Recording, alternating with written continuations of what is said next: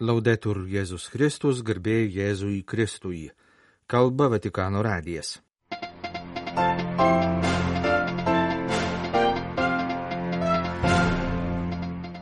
Vatikane prasidėjo tarptautinė konferencija apie kunigų ugdymą ir dieviškojo kulto ir sakramentų tvarkos dikasterijos plenarinė sesija, skirta liturginiam Dievo tautos ugdymui. Varšuvoje vyko renginys skirtas Ukrainos karo pabėgėlių prieimimui Lenkijoje ir Lietuvoje. Paryžiaus arkivyskupas apie artėjančią gaisro apgadintos Dievo motinos katedros restauravimo darbų pabaigą.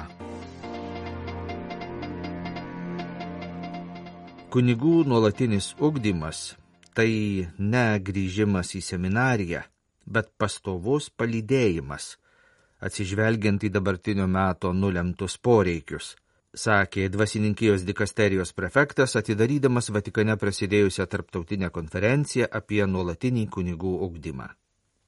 Antradienį vasario 6 dieną prasidėjusi konferencija vyks iki šeštadienio vasario 10 dienos.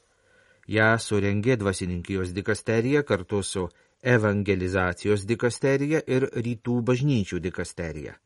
Konferencijos tema - atgaivinti Dievo malonės dovaną. Tai raginimas, kuriuo Šventasis Paulius kreipėsi į savo mokinį Timotiejų. Renginyje dalyvauja apie tūkstantį ekspertų ir referentų vietinių viskupijų ir viskupų konferencijų mastu atsakingų už kunigų nuolatinį ugdymą, atstovaujančių lotynų ir graiko peigų katalikų bendruomenėms 60 pasaulio šalių.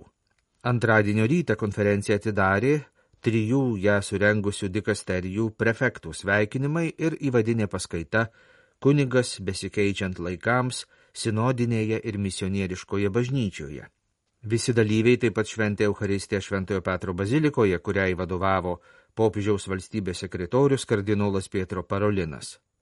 Šeštadienį bazilikoje bus aukojamos ir uždarimo mišios. Ketvirtadienį konferencijos dalyvius priims popiežius Pranciškus. Per penkias konferencijos dienas dalyviai ne tik klausysis paskaitų, bet ir dalysis savo patirtimi ir išvalgomis mažose kalbinėse grupėse, kad visi galėtų dalyvauti autentiškų sinodinių stiliumi. Konferencijos tikslus sveikinimo kalboje antradienio rytą paaiškino dvasininkijos dikasterijos prefektas kardinolas Lazarus jų heungsikas. Matome, kad daugelis kunigų yra dosnus ir ištikimi ganytojai, o neretai ir didvyriai. Tačiau taip pat matome, kad daug jų yra pavargę ir nusivylę, išvarginti šio laikinės visuomenės iššūkių ir jiems tenkančios naštos, kalbėjo kardinolas. Todėl nuolat savęs klausiu. Ir mes kartu su dikasterija klausėme, ką galime dėl jų padaryti. Šiuo klausimu dažnai dalydavausi ir su šventuoju tėvu. Taip į pirmą vietą iškyla paramos kunigams ir palydėjimo svarba. Nulatinio ugdymo poreikis. Žodis ugdymas, sakė kardinolas, ne visada sulaukia kunigų simpatijų, nes jie nenori grįžti į seminarijos laikus. Tačiau kol kas geresnio būdo padėti kunigams nėra surasta. Dėl to terminą nuolatinis ugdymas reikia pripildyti naujo ir platesnio turinio – kuris reikštų dėmesį kiekvienam kunigui, palydėjimą ir rūpinimąsi, pradedant labai paprastais, konkrečiais kiekvienos dienos poreikiais. Ugdymas neturi apsiriboti tik tuo, ką kunigas gauna seminarijoje. Vatikane vykstančioje konferencijoje skirtoje kunigų nuolatiniam ugdymui kalbėjo evangelizacijos dikasterijos proprefektas kardinolas Luisas Antonijo Taglė. Savo kalboje konferencijos atidarimo dieną kardinolas sakė, kad negalima sutikti su šiandien vis dar vyraujančia nuomonė, kad kunigo ugdymas yra tik tai, ką jis gauna seminarijoje, o po šventimų jam jau nebereikia studijų, skaitimo, dvasinio vadovavimo, disciplinos. Mums, išventintiems dvasininkams, reikia nuolatinės reformos, sakė kardinolas, įspėdamas dėl daug žalos atnešančio įsivaizduojamo pranašumo jausmo. Jis ragino kunigus visada rūpinti savimi ir savo tikėjimu. Kunigams reikia nuolatinio atsivertimo, kad jie būtų evangelizuotojai ir bendrystės kūrėjai. Daugelis kunigų yra arti kenčiančiųjų karų ar prekybos žmonėmis aukų, pažymėjo kardinolas. Kai kurie kunigai patys yra tapę pabėgėliais, diskriminacijos ir karo ar žmonių žiaurumo aukomis. Visi turime nuolat savęs klausti, kaip padėti sužeistiesiems tapti susitaikymo ir taikos tarpininkais. Beveik visose šalyse, kuriuose gyvena rytų bažnyčioms priklausančių krikščionių mažumos, šiuo metu vyksta karai ir konfliktai. Šią pastabą pasidalijo rytų bažnyčių dikasterijos prefektas kardinolas Klaudijo Gudžerotti sveikindamas antradienį Vatikane prasidėjusios kunigų nuolatiniam ugdymui skirtos tarptautinės konferencijos dalyvius. Daugelis kunigų jau kraunasi lagaminus, kad galėtų sekti paskui savo žmonės, kurie emigruoja, nes nebemato vilties savo krašte, sakė kardinolas. Šiandien būti mažumai yra labai sunku. Norint įtikinamai kalbėti apie nuolatinį kunigų ugdymą mažumos sąlygomis, neretai persekiojamos mažumos sąlygomis. Reikia atidėti į šalį analizės ir schemas, o stengtis įsijausti į nepaprastą gailestingojo Dievo, kurio įrankiai yra kunigai, dosnumą. Kardinolas atkreipė dėmesį į tam tikrą paradoksą, kuris yra užkoduotas rytų krikščionių dvasingume ir maldoje. Pabrėžiamas žmogaus skurdo ir Dievo malonės gausos kontrastas. Maldoje akcentuojamas žmogaus skurdas, kad būtų dar labiau pabrėžta Dievo didybė. Mes iš tiesų mažai ką žinome apie Dievą ir mažai ką galime apie jį pasakyti, pastebėjo rytų bažnyčių dikasterijos prefektas. Tačiau galime sekti gerojo samariečio pavyzdžių ir taip liudyti Dievo gailestingumą.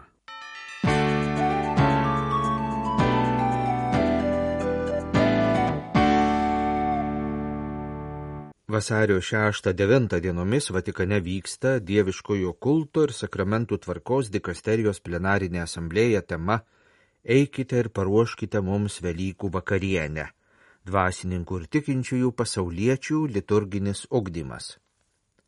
Už liturgiją atsakingos dikasterijos šiemetinė plenarinė sesija skirta liturginio ugdymo temai praėjus 60 metų nuo antrojo Vatikano susirinkimo apaštališkosios konstitucijos apie liturgiją Sacrosanctum Concilium paskelbimo.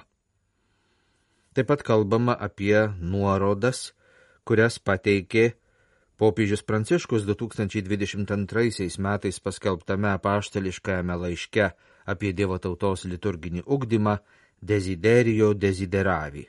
Šiame laiške popiežius konstatuoja, kad nors praėjo šeši dešimtmečiai nuo susirinkimo liturginės reformos, Ne visi Dievo tautos nariai ją iki galo priėmė, o kartais reformos esmės suvokimui trukdo bergždžios diskusijos dėl visiškai antrailių formalių dalykų. Popiežiaus Pranciškaus laiške rašoma. Liturginės reformos neprieimimas, taip pat paviršutiniškas jos supratimas atitraukia mus nuo įsipareigojimo ieškoti atsakymų į klausimą, kurį nuolat kartoju, kaip galime aukti, kad visapusiškai išgyventume liturginį vyksmą. Kaip išlaikyti nuostabą dėl to, kas vyksta prieš mūsų akis šventimo metu. Mums reikia rimto ir gyvybingo liturginio ugdymo. Plenarinėje sesijoje siekiama ne tik pabrėžti liturginio ugdymo svarbą, bet ir pateikti vyskupams praktinių pasiūlymų, kaip savo vyskupijose renkti pastoracinius projektus, kad popiežiaus dokumento mintys būtų įgyvendintos.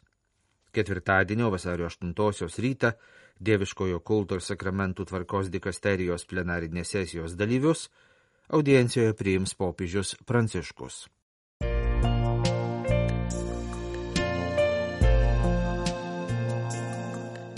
Jūs klausotės Vatikano radio. Tęsėme žinių laidą lietuvių kalba.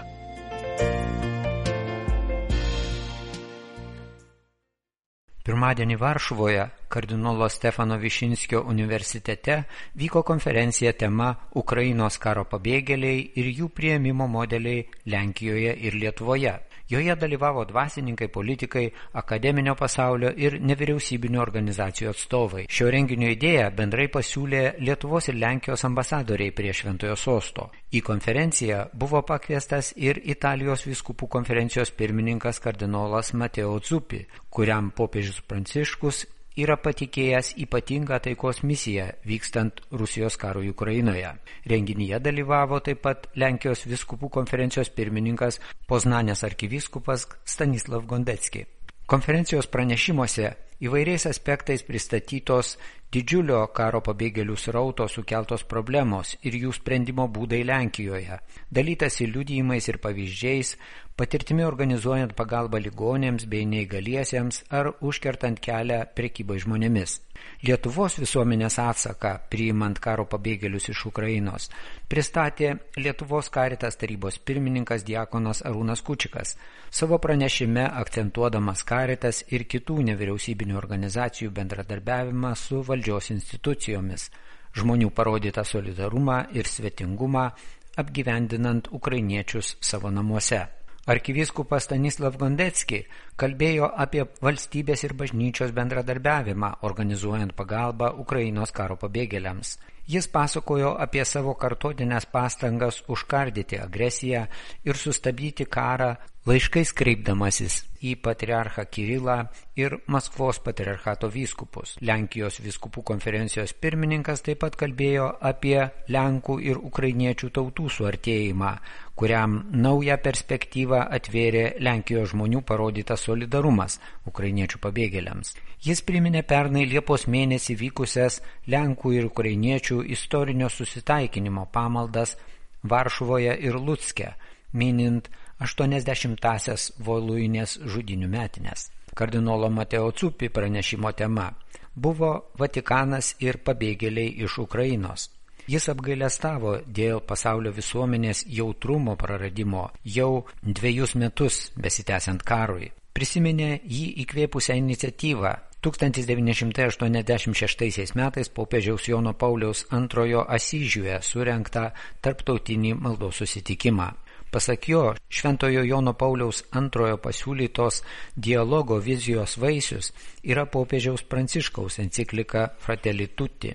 Kardinolas pasakojo apie savo lankymąsi Kijeve, maldą Bučioje, pakartojo popiežiaus Pranciškaus raginimą žvelgti karo aukoms į akis įvardinti žmonės vardais, tapatintis su jų kančia, daryti viską, kad nebūtų apsiprantama su karu. Italijos viskupų konferencijos pirmininkas pabrėžė ypatingą Europos krikščionių atsakomybę siekiant taikos, ragino tikėti taiką, melsti jos, būti taikos kūrėjais, kvietė viltingai ieškoti tamsoje bent menko šviesos žiburio. Pasak kardinolo, ukrainiečių pabėgėlių prieimimas yra tikrasis taikos darbas ir evangelinis pavyzdys. Baigiamajame konferencijos pranešime buvo sugretinta prieš keturis dešimtmečius Lenkijos solidarumo visuomeninio judėjimo patirtis ir dabartinės Lenkijos visuomenės laikytas solidarumo egzaminas priimant ukrainiečių karo pabėgėlius. Iš Kauno Vatikano radijui Kastantas Lukėnas.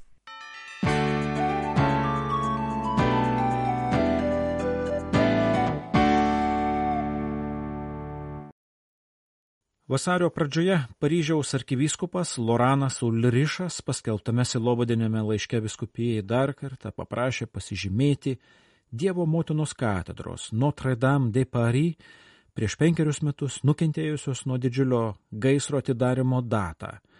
Tegul šis įvykis tampa specialiu malonės laiku visai Dievo tautai Paryžiaus regione. Dievo motinos katedros Atstatymo darbai vyksta sklandžiai ir koordinuotai, rašo arkivyskupas. Nors niekas negali garantuoti, jog neatsiras netikėtų kliūčių, šiuo metu yra visos priežastys manyti, kad Dievo motinos katedra iškilmingai atvers duris 2024 gruodžio 8-ąją per švenčiausiosios mergelės Marijos nekaltojo prasidėjimo liturginę iškilmę. Praėjusį gruodžio mėnesį primena arkivyskupas buvo palaiminta nauja gaidžio statula, kuri papuoš katedros bokšto smailę. Galima pridurti, jog gaidžio statula Prancūzijos ir kitų šalių varpinių ar bokštų viršuje iškeliama nuo seniausių laikų. Gaidys, pirmasis paskelbintis apie auštančią dieną, simbolizuoja budrumą, Kristaus prisikelimą Velykų rytą, gyvenimo pergalę prieš mirtį, šviesos pergalę prieš tamsą. Kartais gaidžio figūra turi ir vėjarodžio funkciją. Apytikrai dvi savaitės prieš Dievo motinos katedros atidarimą, ją bus iškilmingai įnešta Dievo motinos statula, kuri šiuo metu yra kitoje bažnyčioje. Paryžiaus arkivyskupas jau dabar pakvietė visus prisidėti prie didelės procesijos Paryžiaus gatvėse, kuri bus surinkta ta proga. Dievo motinos katedros atidarimo iškilmė tęsis tris dienas - nuo gruodžio 7 iki gruodžio 9. Valstybė, kuri yra katedros savininkė, vėl atiduos raktus bažnyčiai. Liturginėje ceremonijoje bus atidengti nauji vargonai ir gėdami mišparai. Bus pašventintas naujas altorius ir aukojamos pirmosios mišios. Nors nekaltojo prasidėjimo iškilmė liturginėme kalendoriuje minima gruodžio 8 Katedroje ji bus švenčiama gruodžio 9, antrąjį Advento sekmadienį. Gruodžio 8 taip pat prasidėjęs liturginės maldos oktava, kuri tęsis iki gruodžio 15, o specialus malonės laikas tęsis net šešis mėnesius iki 2025 birželio 8, kai bus švenčiamos sekminės. Paryžiaus arkiviskupas paprašė, kad visos arkiviskupijos parapijos per šį laikotarpį surenktų nedidelę, kad ir kelių valandų piligrimystę į Dievo motinos katedrą, nes be galo svarbu, kad visa arkiviskupijos Dievo tauta aplankytų savo katedrą, ne vien ryškios valstybės ar visuomenės, figūros, dvasininkėje, aukotojai ir kiti, nors žinoma, jiems bus parodytas deramas dėkingumas ir pagarba. Kodėl taip svarbu, kad Dievo motinos katedros atidarimas taptų visos Dievo tautos, ypač gyvenančios arkiviskupijos teritorijoje švente? Nes katedra, pabrėžia Paryžiaus arkivyskupas Ulrišas, yra viskupijos bažnyčia motina, kurioje reziduoja vyskupas. Žinoma, ne dėl vyskupo asmeninės garbės, o todėl, kad, kaip nurodė Vatikano antrasis susirinkimas, bažnyčia ypatingai atsiskleidžia visai Dievo tautai pilnai ir aktyviai dalyvaujant toje pačioje liturginėje šventėje, ypač toje pačioje Euharistijoje, jungiamai vienos maldos ir vieno altoriaus, vadovaujamai vyskupo, apsupto kunigų ir patarnautojų. Šia prasme vyskupo katedra yra ypatinga bažnytinio gyvenimo vieta, krikščionišką gyvenimą maitinančių sakramentų vieta, tikėjimo į triesmenį Dievą ir liudėjimo centras – tam tikroje teritorijoje ir tos teritorijos istorijoje. Nuo XII amžiaus tūkstančiai kunigų ir diakonų buvo išventinti Paryžiaus Dievo motinos katedroje, dar daugiau pakrikštata. Čia tarnavo dešimtis jo pirmtakų biskupų, pažymė Paryžiaus katalikų ganytojas. Taip pat pridūrė jis, Paryžiaus širdyje esanti Dievo motinos katedra yra visiems, ne vien katalikams, ne vien tikintiems. Ji yra tūkstančių miesto, krašto ir žemynų istorijos įvykių liudininkė. Pasak arkivyskupo, tikintieji džiaugsmu dėl savo katedros atidarimo dalyjasi su visais, kurie ją myli. Siūlau ir net primiktinai prašau, kad katedros atidarimo šventė ir susiję šventinis laikotarpis būtų skirtas visiems tikintiesiems, visoms amžiaus grupėms, visiems socialiniams sluoksniams, silovadinėme laiške viskupijai pakartojo Paryžiaus arkivyskupas.